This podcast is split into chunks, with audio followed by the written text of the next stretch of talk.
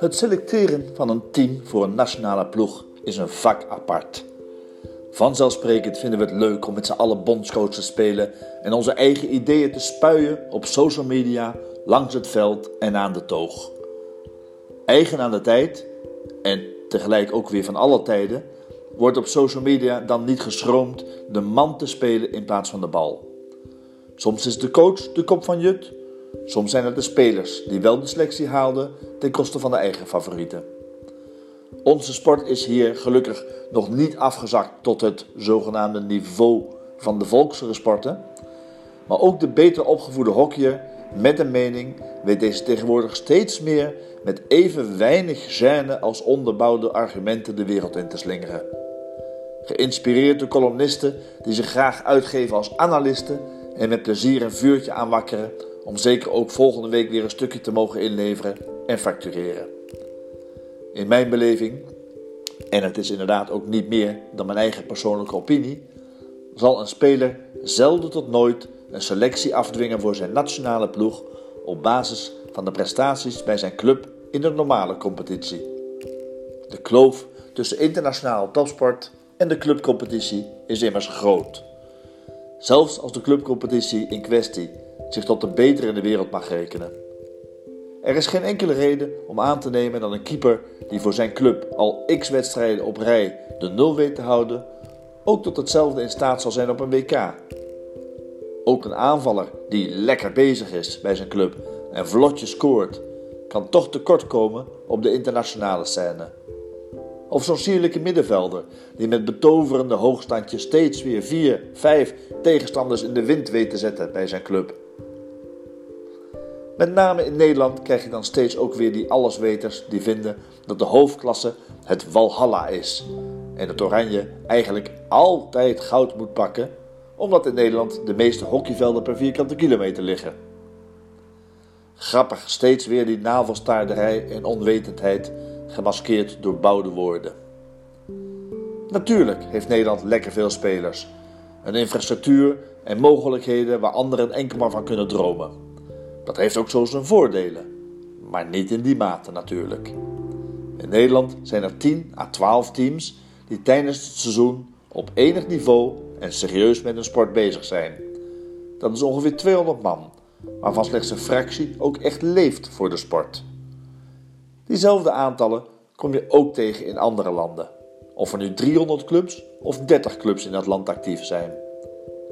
Andere landen kennen dan weer helemaal geen clubcompetities en hebben kleine groepjes professionele sporters die niet gehinderd door de combinatie met clubhockey of studie, werk, sociaal leven zich veel beter kunnen richten op het leven van een topsporter 365 dagen per jaar.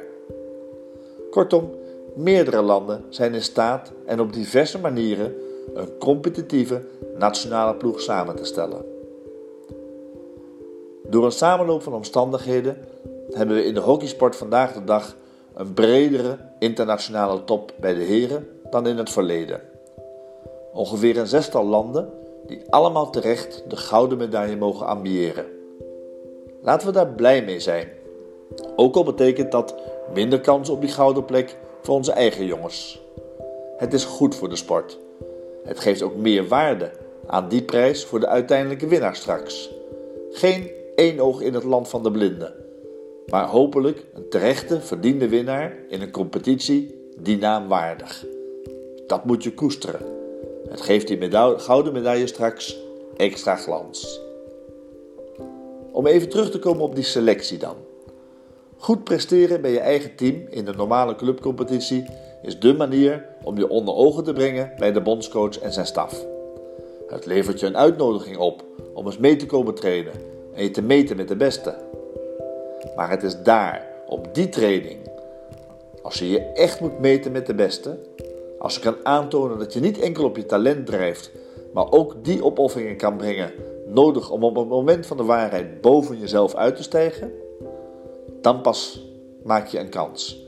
Je prestaties op training, de meetresultaten die aangeven of je echt leeft voor je sport en de herhaalde, continue prestaties in de wedstrijden tegen internationale topteams, die bepalen of je geselecteerd wordt.